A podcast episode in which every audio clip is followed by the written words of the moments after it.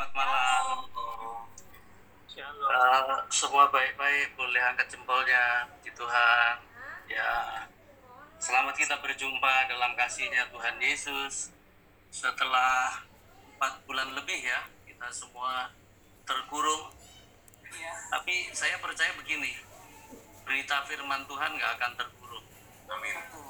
Saya di rumah, tapi saya setiap minggu dua tiga kali pasti ada acara seperti ini. Dan eh, nanti tanggal saya lupa tanggal berapa saya Satu ya. melayani. Bisa didengar suara saya? Boleh diangkat jempolnya bisa. Oke ya. Eh, saya mendengar dari Pastor Bambang Wijaya dari Bandung. Menurut survei setelah pandemik ini terus kemudian stay at home itu kekerasan rumah tangga meningkat.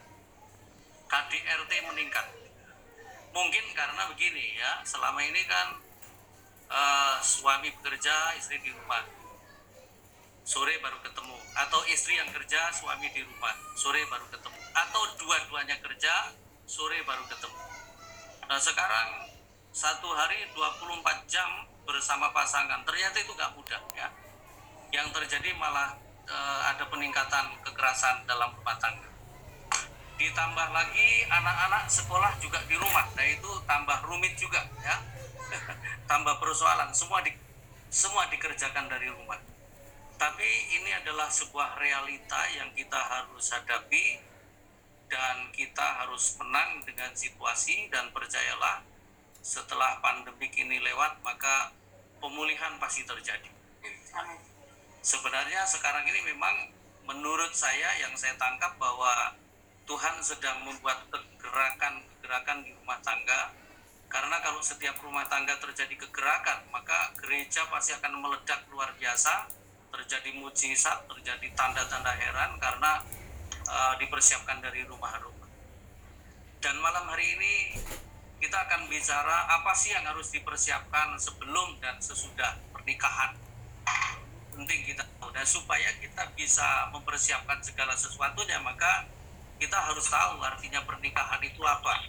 Mari kita sama-sama membuka di dalam Maleakhi pasal yang kedua ayatnya yang ke-14 sampai ayat 16 saya ulangi sekali lagi. Maleakhi pasal 2 ayat 14 sampai 16 tadi saya kirim materi nanti kalau misalnya bisa ditampilkan bisa ditampilkan ya. Oke saya bacakan dulu Maleakhi pasal yang kedua ayat 14 sampai 16 dan kamu bertanya oleh karena apa? Oleh sebab Tuhan telah menjadi saksi antara engkau dan istri masa mudamu yang kepadanya engkau telah tidak setia padahal dialah teman sekutumu dan istri seperjanjianmu bukankah Allah yang esa menjadikan mereka daging dan roh? Dan apakah yang dikehendaki kesatuan itu? Keturunan ilahi. Jadi jagalah dirimu dan janganlah orang tidak setia terhadap istri dari masa mudanya. Sebab aku membenci perceraian firman Tuhan Allah Israel, juga orang yang menutupi pakaiannya dengan kekerasan firman Tuhan semesta alam. Maka jagalah dirimu dan janganlah berkhianat.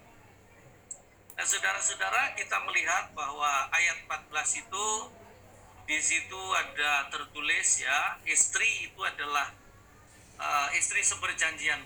Jadi pernikahan itu adalah uh, kita harus tahu supaya kita bisa mempersiapkan apa khususnya yang belum nikah supaya persiapannya mateng yang sudah nikah ini buat koreksi ya yang belum nikah ini persiapan ya dan mempersiapkannya kita harus tahu pernikahan itu apa. Pernikahan itu adalah sebuah perjanjian kudus. Ya, saya ulangi sekali lagi ayat 14 ya. Pernikahan itu adalah sebuah perjanjian kudus yang dimeteraikan oleh kuasa namanya tidak bisa dibatalkan oleh siapa pun dengan cara apa pun.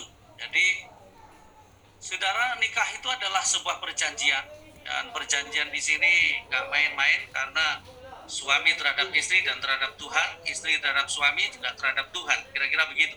Jadi perjanjian yang dimeteraikan oleh kuasa namanya. Kok bisa? Ya, karena kita pada waktu dinikahkan itu adalah demi nama Bapa, anak laki-laki dan Roh Kudus. Itu meterainya ya.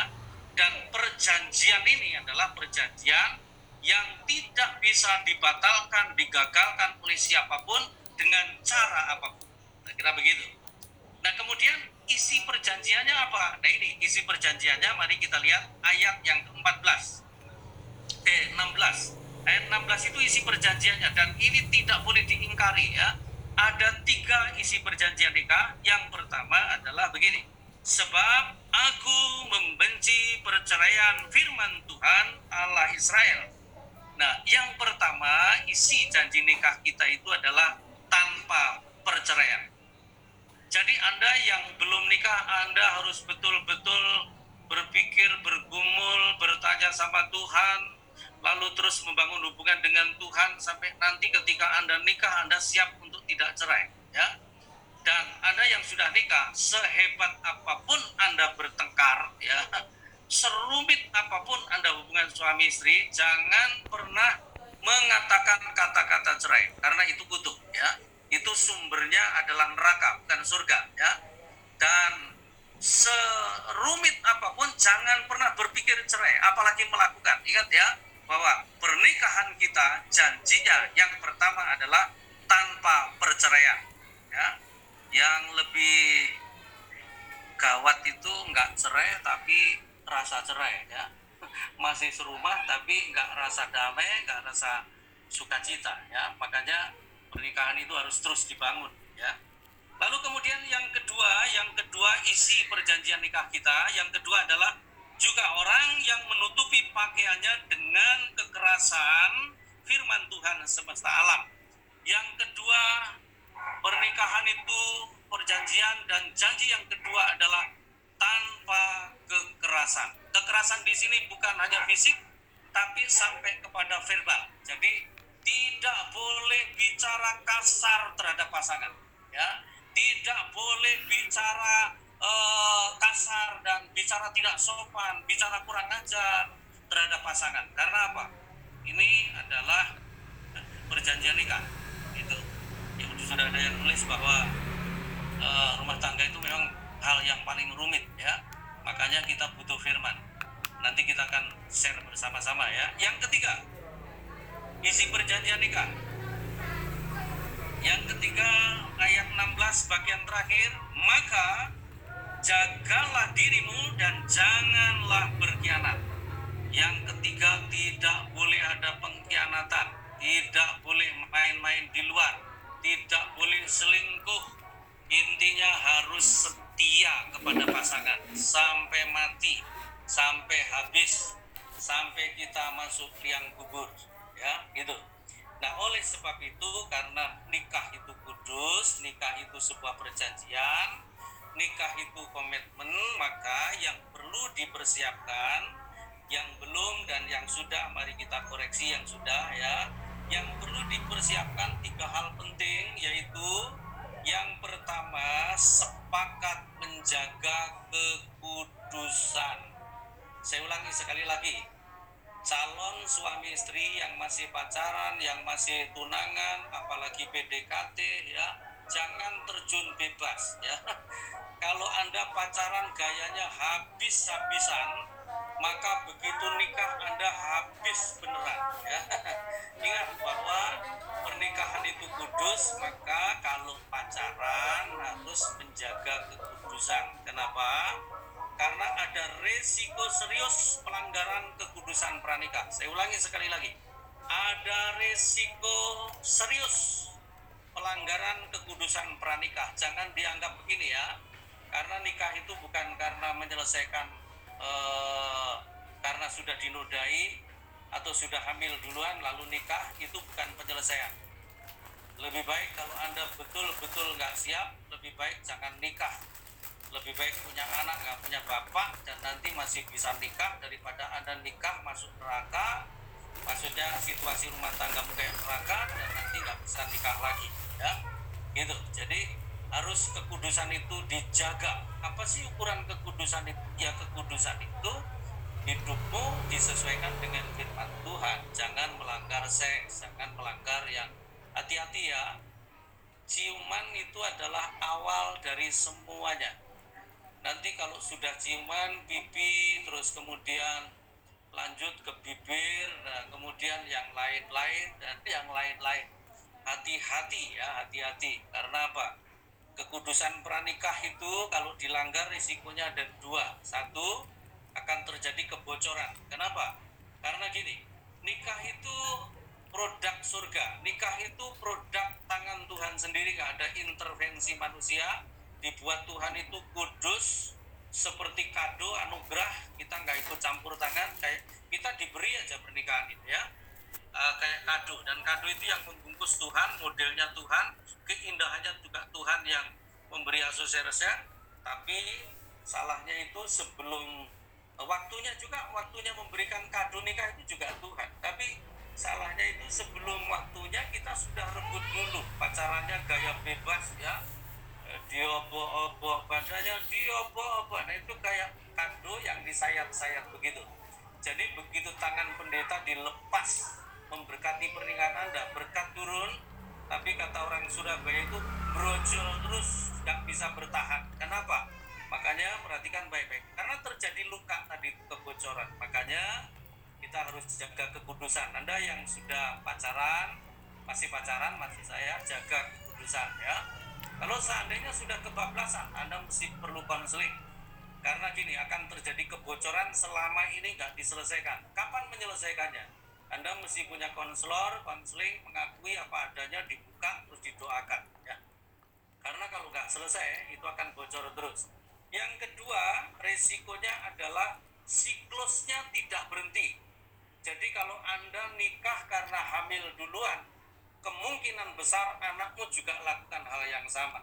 Kalau Anda melanggar kekudusan pranikah, kemungkinan anakmu, cucumu juga melakukan itu. Jadi itu resiko kedua.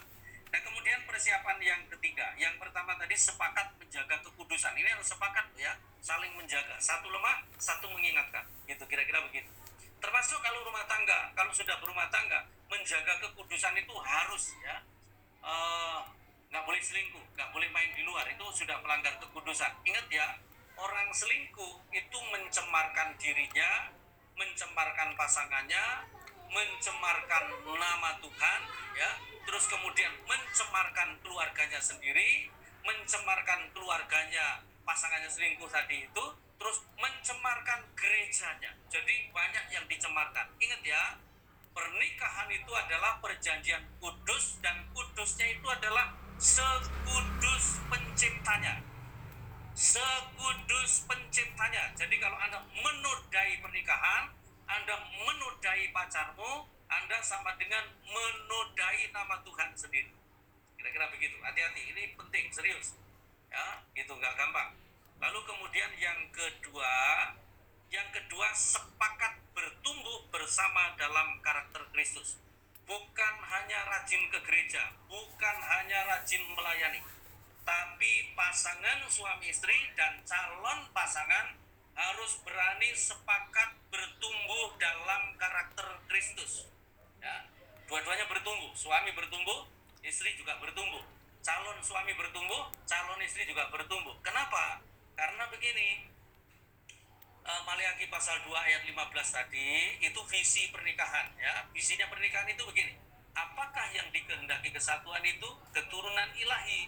Jadi Tuhan menciptakan pernikahan itu visinya hanya visi besarnya hanya satu. Visi besarnya hanya satu. Melahirkan generasi ilahi. Nah, bagaimana bisa lahir anak-anak ilahi? Ya bapaknya harus punya karakter ilahi. Terus istrinya harus punya karakter ilahi. Kalau suami istri karakternya ilahi, anak-anaknya kemungkinan besar karakternya ilahi.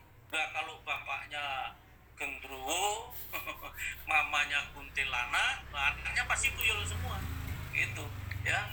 Jadi Anda yang masih pacaran juga mesti sepakat ya. Jangan hanya rajin ke gereja, tapi kemudian uh, Anda mesti bertumbuh dalam karakter Kristus. Karakter Kristus itu seperti apa sih? Nanti Anda baca di dalam Efesus pasal yang keempat, ayat yang kedua, karakter dasar Kristus itu ada empat. Ya, satu, ayat itu berkata begini, hendaklah kamu selalu rendah hati, lemah lembut, dan sabar, tunjukkanlah kasihmu dalam hal saling mengasihi. Jadi kalau saya boleh pakai kata selalu, karakter Kristus itu begini, selalu rendah hati. Jadi rendah hati itu nggak boleh kadang-kadang, harus selalu. Dan rendah hati terhadap suami itu susah. Rendah hati terhadap istri itu susah. Banyak kan orang menjaga gengsinya kan, menjaga ego, main egonya sendiri. Kita mesti belajar suami rendah hati terhadap istri, istri rendah hati terhadap suami. Kalau ini terjadi, maka kemungkinan bertengkar itu tipis karena apa? Oh dua-duanya rendah hati. Nah kalau masih pacaran aja udah sombong ya nanti nikah juga babak belur itu. Mesti mulai belajar rendah hati. Yang kedua selalu lemah lembut. Nah selalu lemah lembut. Lemah lembut itu adalah kemampuan untuk menghadapi orang. Jadi kalau suami lemah lembut dia bisa menghadapi istri yang model apa saja. Ya, kalau istri lemah lembut bisa menghadapi suami model apa saja dan kalau dua-duanya lemah lembut rumah tangga pasti bahagia. Salah satu aja lemah lembut. Masih masih ada di pemulihan. Nanti lama-lama satunya pasti ke keikut gitu. Terus kemudian berikutnya selalu sabar. Yang ketiga selalu sabar. Nah sabar itu adalah kemampuan untuk menghadapi situasi. Bedanya itu ya kalau lemah lembut kemampuan untuk menghadapi orang tetapi kalau sabar adalah kemampuan untuk menghadapi situasi. Nah, situasi pandemi sekarang ini dan goncangnya ekonomi, kita butuh dua-duanya, ya. Gitu. Lalu kemudian yang keempat, selalu menunjukkan kasih dalam hal saling membantu. Ini real ya. Suami bantu istri, istri bantu suami. Jangan satu jadi bos, nggak boleh. Harus dua-duanya saling ya. Oke, kita kembali kepada apa yang kita bicarakan. Yang ketiga sekarang, yang kedua sepakat bertumbuh bersama dalam Kristus. Yang ketiga berani melihat di balik yang terlihat mata. Nah ini real ini. Ini paling sulit ya. Anda suami istri harus berani melihat di balik yang tidak terlihat. Di, di balik yang terlihat mata. Apalagi ada yang masih pacaran loh ya. Pacaran itu sering kali matanya gimana ya? Sebenarnya picek yang enggak, buta yang enggak sebenarnya. Tapi enggak berani melihat di balik yang terlihat maka pokoknya sing penting ganteng, ayu, ya nol, montok, ya udah ada kesengsem. Begitu nikah, ternyata yang ada nikahin bukan montok tapi kudarnil. Gigit anda ya kan? Nah, maksudnya gini loh. Yang dibalik yang terlihat itu begini. Anda mesti mumpung masih pacaran belajar belak-belakan terbuka benar-benar totalitas terbuka dan terbukanya sampai apa coba anda yang masih pacaran yang belum nikah anda mulai terbuka begini karena hidup ini kan sebenarnya mengulangi masa kecil aja gitu nah saya pernah lama sama istri 12 tahun kami benar-benar hidup dalam neraka tiga tahun bahagia 12 tahun babak belut ya kan Nah, setelah kami mulai belajar terbuka gitu ya, nih perhatikan, saya kasih contoh caranya terbuka. Saya buka dulu hidup saya supaya istriku melihat di balik yang dia tidak, di balik yang dia lihat terhadap saya. Kan lihatnya saya itu dia, saya pendeta. Terus kemudian dia jatuh cinta sama saya itu karena nama saya Isak Tulus, dia Rika, jadi pas banget ya kan.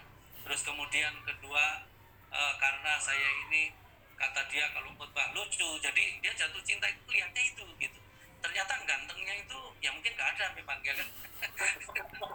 Tuh dan ya saya lihat istri saya itu pinter manis terus kemudian pinter main musik ya terus kalau pimpin pujian bagus nah itu yang saya lihat. Makanya begini jangan tertipu dengan pelayanan. Orang yang melayani belum tentu bisa membahagiakan anda. Yang bikin susah banyak ya kan? Sudah ada contoh ya kan? Makanya jangan lihat kita harus mampu melihat di balik itu. Cara apa sih yang harus kita lihat?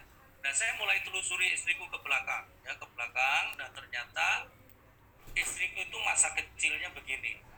Papanya itu kerasnya luar biasa jadi karena dia diperlakukan keras istriku terbentuknya keras juga. Nah gitu.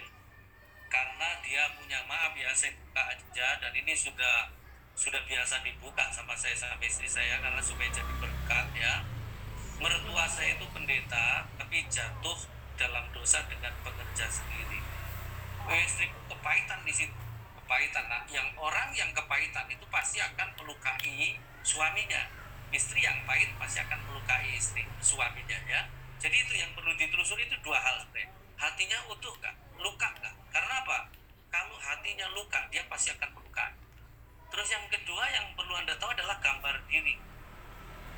Gambar dirinya gimana? Karena gini kebutuhan tubuh jiwa dan roh itu beda. Nah yang saya mau sampaikan adalah kebutuhan jiwa. Kebutuhan jiwa kita itu satu dikasihi. Dan kalau anak dari kecil nggak dapat kasih sayang. Jangan harap dia bisa mengasihi. Ini perlu dipulihkan perlu seorang konselor perlu hamba Tuhan perlu dibimbing gitu. Terus kemudian yang kedua dikasihi terus kemudian dihargai. Nah, yang nggak pernah dihargai ini juga nggak pernah bisa menghargai pasangannya pasti akan meremehkan juga. Nah itu kita harus berani melihat di balik itu. Lalu yang ketiga dipercaya dia pernah nggak dipercaya di delegasi gitu? Karena apa? Orang yang nggak pernah dipercaya dia nggak bisa percaya dan dia juga nggak bisa mempercayakan orang. Akhirnya cemburuan protektif dan lain sebagainya. Begitu.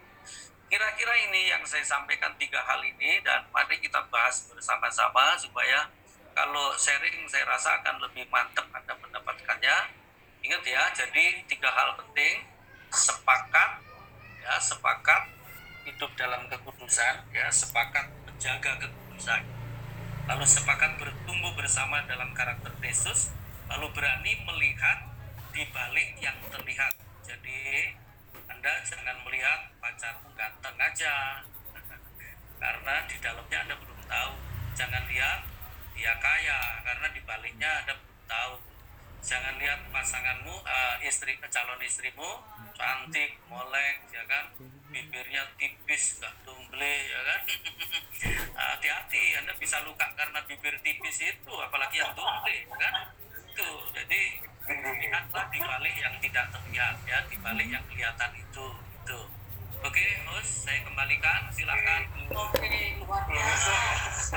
Mulai panas nih kan tepuk tangan semua dulu buat Tuhan. Yuk mari kita tepuk tangan.